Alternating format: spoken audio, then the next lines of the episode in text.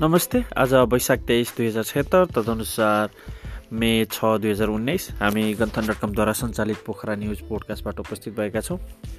पोखराको ठुलाखेत खरे खोला पुलको शिलान्यास पत्रकार शर्मा नेजा पुरस्कारबाट सम्मानित छैटौँ अनुपम साङ्गीतिक साँझ जेठ अन्तिम छाता हुने र पोखरा सत्रलाई पर्यटन हब बनाइनु पर्नेमा जोड।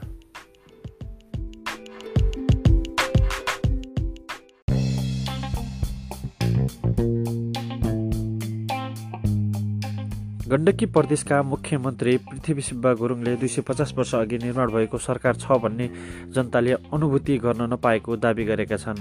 प्रदेश सरकारको लगानीमा पोखरा तेइस ठुला खेतमा बन्न लागेको पुलको शिलान्यास गर्न पुगेका मुख्यमन्त्री गुरुङले सङ्घीयता पछि अहिले प्रदेश र स्थानीय सरकार जनताको घर घरमा सरकारलाई अनुभूत गर्न पाएको बताएका छन्।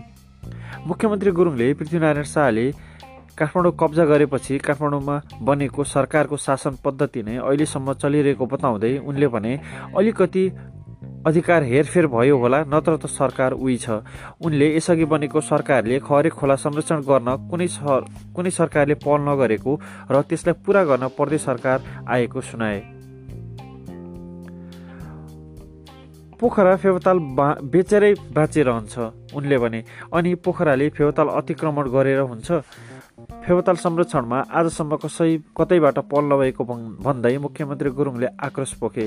आजसम्म फेवताल संरक्षण गर्ने कोही पनि जन्मेको छैन। उनले भने फेवताल संरक्षणमा सर्वोच्चको आदेश पालना गर्न फेवतालको मापदण्ड कायम गरेर नयाँ संरचना निर्माण गर्न आखिर प्रदेश सरकार नै चाहिँदो रहेछ। नब्बे दशमलव सात पाँच मिटर लामो पुलको निर्माण पन्ध्र महिनामा सक्ने लक्ष्य लिएको छ भने पुल नौ मिटर फराकिलो हुनेछ। नेपाल अमेरिका पत्रकार सङ्घ नेजाले प्रदान गर्दै आएको यस वर्षको नेजा सामुदायिक पत्रकारिता पुरस्कार शिव शर्मालाई प्रदान गरिएको छ। नेजाको अमेरिकामा सम्पन्न तेह्रौँ साधारण सभा अवसरमा अग्रज पत्रकार किशोर नेपालले शर्मालाई पुरस्कार प्रदान गरेका हुन्। पुरस्कारको राशि एक हजार एक सय एघार डलर र प्रमाणपत्र रहेको छ।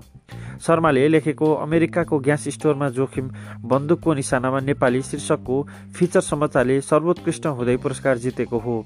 दर्जनौँ प्रतिस्पर्धामा उनको उक्त रिपोर्टिङले यस वर्षको नेजा पुरस्कार पाएको हो।